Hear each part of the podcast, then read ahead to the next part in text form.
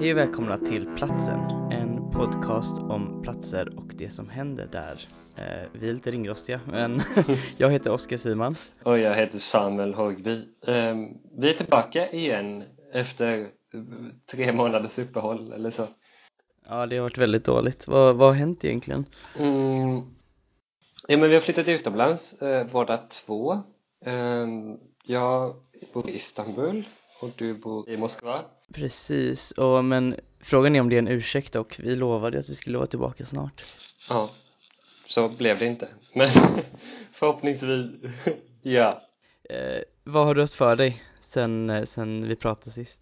Jag har gjort en hel massa saker. Eh, framförallt så har jag ju liksom eh, pluggat, eller så det är ju typ därför jag är här. Jag pluggar utbytestermin. Eh, jag har varit inte så mycket i Turkiet men eh, sett ganska mycket av Istanbul. Eh, och fortfarande inte hela Istanbul men det ska vi prata mer om sen. Eh, vad har du haft för dig sen, sen du kom till Ryssland? Vi, vi lämnade Sverige ungefär samtidigt. Ja, eh, jag har också mest pluggat om vi ska vara Jag har ju börjat plugga ett masterprogram så det har varit väldigt eh, intensivt. En hel del så här 60 timmars veckor och, och sådär. Så det har varit mycket, men det har varit jättekul. Eh, men det ska bli jätteskönt med jul, vi åker ju hem, eller jag åker hem om precis en vecka. Till Sverige för juluppehåll Och då tänker jag att vi spelar in en, en eh, podd tillsammans i Sverige också. Ja, um, det får vi verkligen göra. Ja, uh, men idag ska vi prata om, om storlek och städers storlek. För vi bor ju i de två största städerna i Europa. Um, och vi ska försöka besvara frågan, eh, spelar storleken någon roll? Ja. Nej, inte riktigt Men hur som helst ja. Men du har ju berättat för mig att du tycker att eh, Istanbul känns oändligt Kan du inte berätta lite mer om det? Ja, nej men det, det är ju en stad som är byggd på kullar um, och det gör att man får en ganska som, bra överblick över staden uh, lite då och då när man är på toppen av en kulle uh, och det är som ett, ett vitt streck som bara, som bara liksom fortsätter och fortsätter. Och, och jag var på en i en ögrupp som är helt fantastisk som ligger eh, utanför Istanbul. Och när man tar båten dit så ser man liksom staden och den bara fortsätter längs med hela horisonten. Den tar liksom aldrig slut.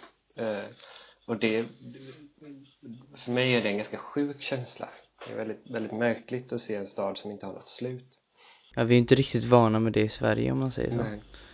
Hur tänker du kring Moskvas storlek? Tänk, märks det när man är i Moskva att det är en, en, en gigantisk stad?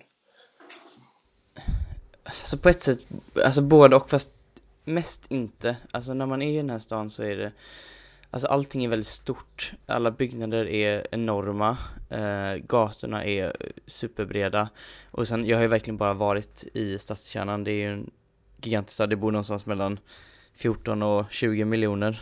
Det är lite oklart tror jag. Eh, Så det, ja men det brukar väl räknas som Europas största stad. Eh, Så man får ju liksom en känsla av storleken men, men man är väldigt så inne i Man är liksom någon sorts bubbla hela tiden, alltså det är stor, stor byggnad, stor gata och så ser man inte så mycket längre. Men det finns en plats eh, när jag, man går över floden för där, där jag, vi, vi har två olika eh, ställen där vi pluggar med ett av de ställena ligger ute på, på ön, eller inne på ön som ligger mitt i centrum, eh, på, i floden i, i cent, centrum av Moskva Just det, vad, vad heter floden som går genom Moskva? Eh, Moskvafloden heter okay. den eh, Som om, om, som vad heter det, benämns i Foreigners eh, Winds of Change om, om du minns ja, hur som helst, eh, okay. men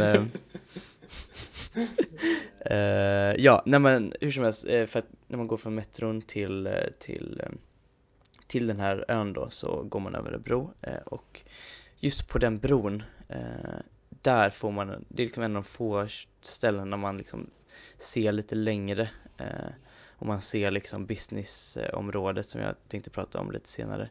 Och man ser liksom hur Moskva sträcker sig ut runt floden och så, men man ser fortfarande bara en bråkdel. Men man får lite så här svindlande känslor. men annars är man väldigt så inne i inne i stadsnätet eller vad man ska säga. Det där är väldigt spännande för att, för att eh, Istanbul är inte alls så, alltså förutom i liksom där det är höghusområden som det finns ett eller ett par stycken men ganska få ändå så är det ju som en, en småstadsbebyggelse liksom. Eller, eller ja husen är inte så höga och det är liksom inga stora boulevarder eller så heller riktigt. Till och med den stora parad, paradgatan är ju ganska liksom ynklig om man jämför med andra paradgator i världen. Kontrast. Ja och kontrasten mellan Istanbul och Moskva är ju extrem på det sättet när Moskva är väldigt så om man, om man ser det som någon sorts rutnät så är det ju väldigt stora rutor mm, liksom mm. och ja men stora byggnader som står långt emellan medan Istanbul små eh, täta eh, myllrande gator föreställer jag mig ändå att det är liksom för mer av en medeltida stadskärna Ja, så. precis samtidigt som, som de flesta byggnader är ganska nya eh, men, men hur eh, liksom hur tar man sig runt, eller så här, hur mycket av Moskva ser du varje dag? Eller så här, hur mycket flyttar du på dig från, från kvarteret där du bor eller, eller så liksom? Ärligt talat väldigt lite. Moskva är ju en så kallad eh, radial, radialstad, så den är uppbyggd på liksom cirklar kan man säga. Så det finns en mittencirkel som i princip är, är Krem, Kreml, mm. alltså eh, presidentens högkvarter så att säga, som är inringad av en mur. Det där Röda, Röda torget är också, eller hur? Röda torget ligger precis utanför okay. Kreml. Eh, precis, och det är ena sidan av Röda torget är den här muren till Kreml. Eh, så det är liksom också där de äldsta byggnaderna ligger. Jag tror de äldsta byggnaderna är från, från 1000-talet om jag inte minns fel. Eh, och sen så är det liksom efter, så är det liksom det centralaste eh, ringen och sen så kommer det liksom en motorvägsring efter det. Eh, och sen så följs den av av fler och fler, jag tror det är fyra eller fem eh, motorvägsringar som kommer längre och längre ut. Eh, men jag har ju i princip bara varit inom de två, två innersta, eh, borträknat från Kreml då, så att eh, de liksom två motorvägsringarna, så det, det är liksom det enda jag har sett, så Moskva sträcker Så det finns fyra eller fem zoner till liksom som, som, som Ja, och sen så liksom, sen så efter de här zonerna så sträcker, så som staden som fingrar nästan. Så den, de väx, den växer jättekonstigt, så neråt eh, sydöst, nej sydväst blir det, så är det som ett jättestort område med, med liksom eh, bostads, det är där de flesta bor egentligen, de, det bor ju mycket mer folk utanför centrum än innanför eh, stora bostadsområden med liksom en, en byggnadstyp som kallas eh, microrayon på engelska, jag vet inte riktigt vad det blir på svenska, men det är liksom en, ett sätt man byggde bostadsområden, påminner till viss del om vissa av de eh, miljonprogramsområden vi byggde, men det finns en del skillnader också. De byggdes framförallt efter Stalins död under Brezhnev. Så att nej, jag ser väldigt lite av stan. Äh, äh.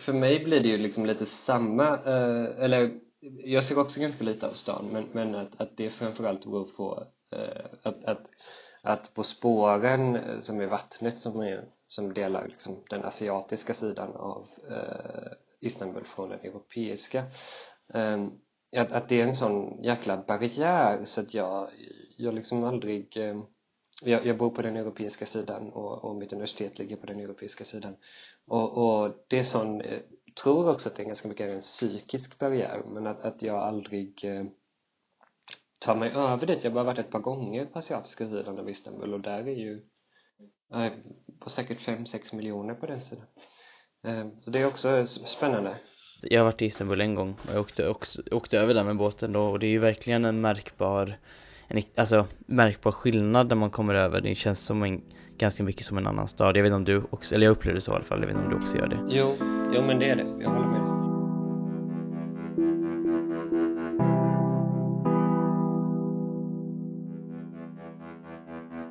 Men om vi ska återgå lite till, till storlek så, eh, så tänkte jag, ja men en sak som också är väldigt stort och pampigt här i Moskva är tunnelbanenätet. Just det, Folkets palats. Ja, Folkets palats, det är en väldigt vacker, liksom, ah, ja, man kan nästan inte beskriva på något sätt som palatssalar med marmor och utsmyckningar men istället för, jag vet inte, porträtt på kungar så är det liksom mosaiker av, av eh, av Lenin eh, eller Hamraren och skäran i, i liksom någon pampig metall eh, och så, så det är ganska roligt. Men det är också så här alla använder ju metron här, in, ja inte, inte den politiska eliten men i övrigt så, så är det ju en väldigt så eh, utjämnande plats på något sätt och den sträcker sig också långt ut ifrån centrum eh, så att det, ja Ty, ty, tycker du om de här eh, liksom neoklassicistiska eller så eh, kommunistiska eh, tunnelbanestationerna? Ty, är, är de vackra liksom? Ja, de är väldigt vackra. Jag tror inte det är någon som, som skulle kunna eh, tycka något annat om dem. Eh, och sen det är en väldigt stor variation också eh, Eh, mellan stationerna, även om de liksom delar någon sorts pampighet om man bortser från de moderna stationerna som har byggts sen, sen 90-talet typ, de är inte så pampiga men de tidiga stationerna, alla är väldigt fina men det är ganska, vissa är ganska avskalade, vissa är extremt pampiga med, med ljuskronor och, och allt, allt därtill. Men, men nej det är jättefint, det är en fantastiskt bra tunnelbana faktiskt. Ja. Ehm, Hur funkar kollektivtrafiken i Istanbul? Jag kan tänka mig att det är ganska, i sån storstad ganska mycket lo logistiska problem. Ja, det, det, det funkar väl hyfsat eh, bra om man bor på en, en tunnelbanelinje men, och, och, och jag gör det till exempel. Men, men eh, eh, det har ganska stora maskor det här tunnelbanenätet. Eh, och eh, trafiken här är ju liksom den, den står ju still eller det, det, är det rusningstrafik så, så, så är, då rör sig inte bilköerna liksom. Um, så, så, Det är ju något som är gemensamt mellan Istanbul och Moskva kan jag säga. Ja, och, jag, och jag tror att, att åker man eh, liksom måste man åka buss till jobbet eller till uh, universitetet eller skolan eller sådär då, då kan det nog vara väldigt jobbigt ibland. Um, men mm. men de bygger ut jättemycket. Det är ju eh, Turkiet lever ganska mycket på på lån nu, det lånas mycket pengar eh, för att liksom bygga ut och sådär.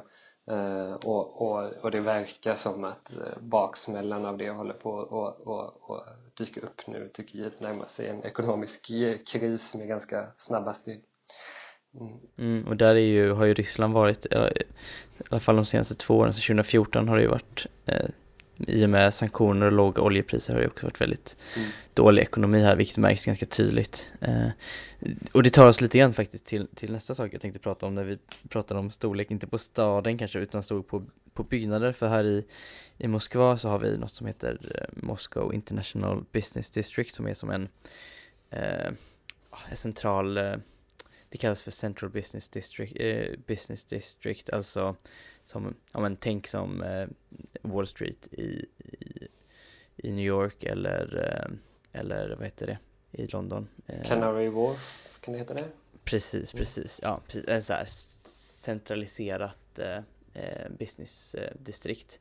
Eh, och skillnaden kanske är från Moskva och, och, och de exemplen är att där så ligger det liksom, det som är det finns en historisk koppling mellan platsen och, och liksom verksamheten.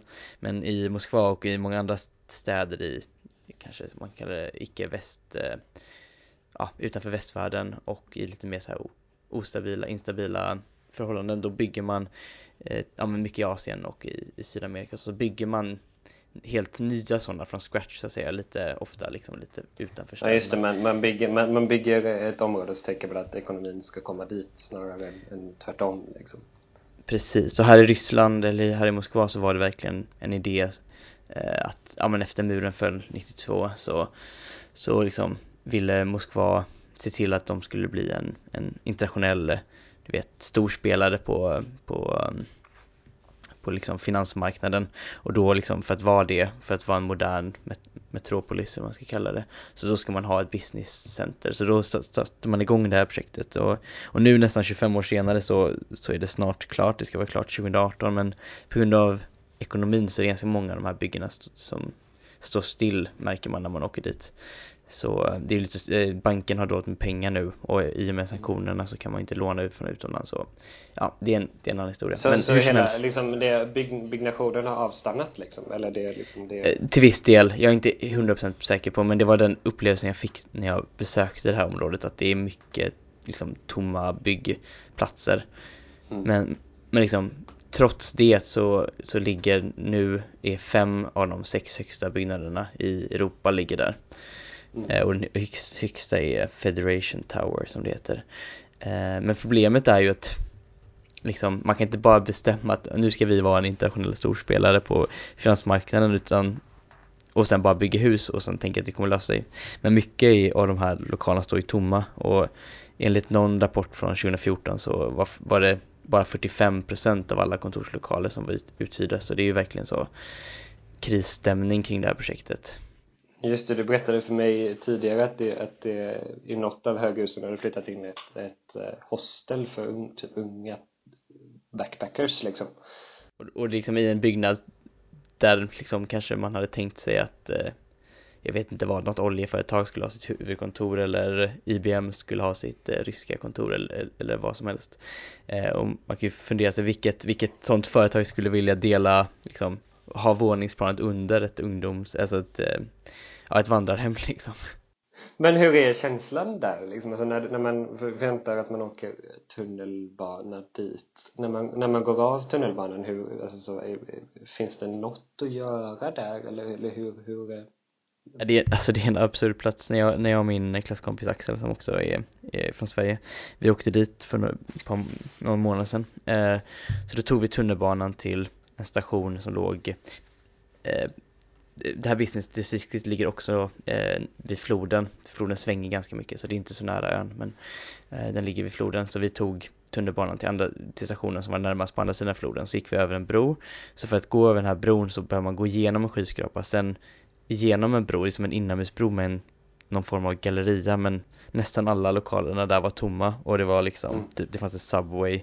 Och det fanns någon så här konstig kepsaffär typ mm. ja ungefär så, alltså jättekonstig stämning liksom så kommer man över den här bron ut genom en byggnad så kommer det och så har man ingen aning var man ska ta vägen så vi gick upp för en trappa och den ledde upp till bokstavligt talat ingenting, det var bara liksom ett staket det var en alltså kanske 100 meter lång trappa, helt gigantisk var den. Alltså inte 100 meter upp utan 100 meter bred liksom. Mm. Mm.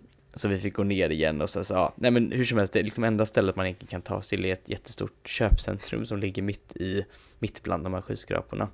Och det här köpcentrumet är, ja men gigantiskt eh, och över det hela det så är det ett jättestort glastak så man ser alla de här skyskraporna genom så man kan sitta och dricka sin Starbucks kaffe där och kolla på de här skyskraporna om man skulle kunna vara vad som helst i världen i princip. Mm. Ja, mycket märklig plats men det är intressant och jag ska skriva min, min uppsats nu nästa termin om, om det här så jag kommer kunna berätta mer eh, i detalj äh, kanske lite senare. Det, igen. det låter ganska mycket som jag har varit, det finns ett sånt liknande område som heter La Défense utanför Paris. Det låter, det låter inte helt olikt.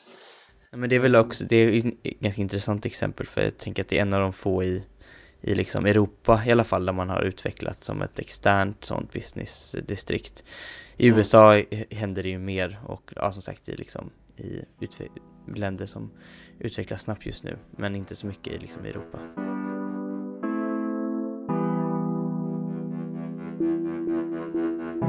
Om vi ska ta liksom, om vi ska gå tillbaka till storlek eh, rent så här, vad heter det? Geografiskt area, area. Ja, geografisk storlek så kan man ju inte undgå att Ryssland är ett helt eh, gigantiskt land så är det ju, största i, i, i världen och eh, Större än Antarktis ja. till ytan Och jag tror att, jag tror att det, att det är en sjättedel av jordens yta, jag är inte helt hundra på det men jag har hört det någonstans ja. Så det, ja det är hur, märks, hur märks det av i, i Moskva? Får du någon känsla, alltså finns det något sätt man, man tänker på det när man är i Moskva? Att, att att eh, Ryssland fortsätter ända bort till, till Japan eller är det liksom? Alltså på ett sätt nej för att eh, Ryssland, alltså Moskva är ju verkligen det är ju centrum liksom. Det är ju där allting händer. Det, det bor nu ska vi se ja ungefär det är 150 miljoner eh, eh ryssar totalt och det bor någonstans mellan 12 och 20 miljoner så det är ungefär 10% av befolkningen men 80% mm. av ekonomin eh, mm. är baserad i Moskva så det är ju en ganska intressant siffra att tänka på eh, så det är ju väldigt liksom, fokuserat om, om folk klagar på att det är liksom Stockholms eh, Stockholmsfixerat i Sverige liksom att allt händer i Stockholm så så är det ännu mer extremt här och, och avstånden är ännu mer extrema men jag har eh, Sen kan man också då märka i min klass så har jag vi liksom lite några från Europa, eh, några från USA och sen eh, ganska många ryssar. Eller, det, halva klassen är ryssar. Eh, och den som kommer längst ifrån det är min klasskompis Eric som kommer från Austin, Texas. Mm. Men den som kommer näst längst bort ifrån är, i Katja som kommer från Vladivostok som är liksom så långt sydöst man kan komma i Ryssland ner mot gränsen till Kina. Så alltså det, det är längre bort än vad Boston är och det är mycket längre bort än vad Göteborg är. Och Mm ja, det är ganska, ja, det är en ganska svindlande tanke tycker jag. Verkligen. Eh, men även, även eh, Turkiet är ju ett stort land med europeiska mått mätt, får man nog ändå säga. Ehm, och, här är det kanske inte så mycket avstånden som kulturskillnaderna som är eh, slående. Ehm, turk, alltså, turkar i Istanbul känner nog inte så mycket samhörighet med turkar i i östra Turkiet och det är ganska så pratas väldigt eh, illa ofta om, om turkar från östra Turkiet att de är liksom obildade och, och, och, och så är det ju hela debatten om, om islams roll i samhället som många särskilt som jag träffar på mitt universitet i, i Istanbul eh, har ju för det första inte varit i Turkiet men har också liksom en bild av att eh, liksom att, att, att, att det är väldigt konservativt och, och liksom fattigt och smutsigt och sådär. Eh, och det stämmer ju säkert men, men det finns ändå ett väldigt så här starkt eh, man gör verkligen sina, sina eh, landsmän till främlingar och eh, till någonting an annorlunda än vad man själv är. Skulle du säga att de identifierar sig mer som Istanbulbor än som turkar? Ja, utan, utan tvekan och, och det är många, det är så konstigt i Istanbul för det är många som jag har en bild av att många inte lämnar Istanbul så gärna att de, de liksom har sin värld här eh, och att det kanske inte så mycket beror på, på liksom någon form av ekonomisk fråga utan att, att de helt enkelt liksom jämfört då med, med, med liksom människor i Göteborg som jag känner som har en väldigt stark reslust. De verkar liksom inte så intresserade varken åka till sitt eget land eller till, Nej. till Europa liksom. De tycker att de har allt där de är liksom. Ja men typ så. Eller ja, ja så tror jag det. Och det kanske det kanske inte är så, så på ett sätt är det inte så konstigt när man bor i en stad som är så gigantisk där det finns Mm. så mycket eh, men det är ändå spännande jag tror inte riktigt att det är så här men det finns nog lite den tendensen ändå. För jag vet till exempel att eh, ja men jag har en klasskompis som är från från eh, från Riga. Och han har rest runt ganska mycket i i Ryssland. Och det verkar som att de ryssarna i min klass som är från Moskva har liksom sett min, mindre av Ryssland än vad han har. Eh, men det är ju också så himla stort så liksom jag vet inte riktigt var man skulle börja om man ska vara helt ärlig. Eh, och det finns ju också en aspekt av liksom sammanhåll, alltså vad, vad är det som grundar, vad, vad liksom, vad grundas den ryska nationen i, liksom, i och med att rent historiskt sett har gränserna förändrats mycket och, och Sovjet var ju, alltså Sov, Sovjetunionen hölls ju mångt och mycket liksom ihop på ett annat, alltså liksom det här, jag tror inte riktigt det fanns en nationalistisk samhörighet liksom, för det, det riket var ju, alltså det var ju så stort så att det liksom Ja, det var eh, väl snarare av dels kanske tänker jag liksom en tro på socialismen men jag misstänker att en ganska stor del av att Sovjet höll ihop så länge som det gjorde ändå också var att uh, att liksom konsekvenserna av att, att, uh, att inte gilla Sovjet var väl ganska allvarliga eller ganska hårda liksom. Ja men precis. Och det fanns ju liksom olika Jag menar, jag menar Baltstaterna såg sig ju alltid som eh, ockuperade eh, Vilket Mm. ju inte liksom alla delar i, i Sovjetunionen unionen gjorde såklart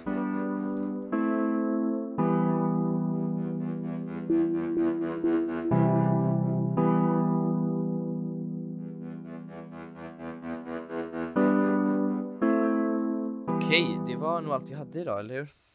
Ja, så är det. Vi eh, är tillbaka tillsammans i Sverige, Göteborg eh, någon gång i början på januari En liten sån här god eh, mellandags eller eh, blir väl dagen efter nyårsafton inspelning Det är oklart vad vi ska prata om än men vi hittar nog på något bra Det gör vi helt säkert. Ehm, tack för att ni har lyssnat.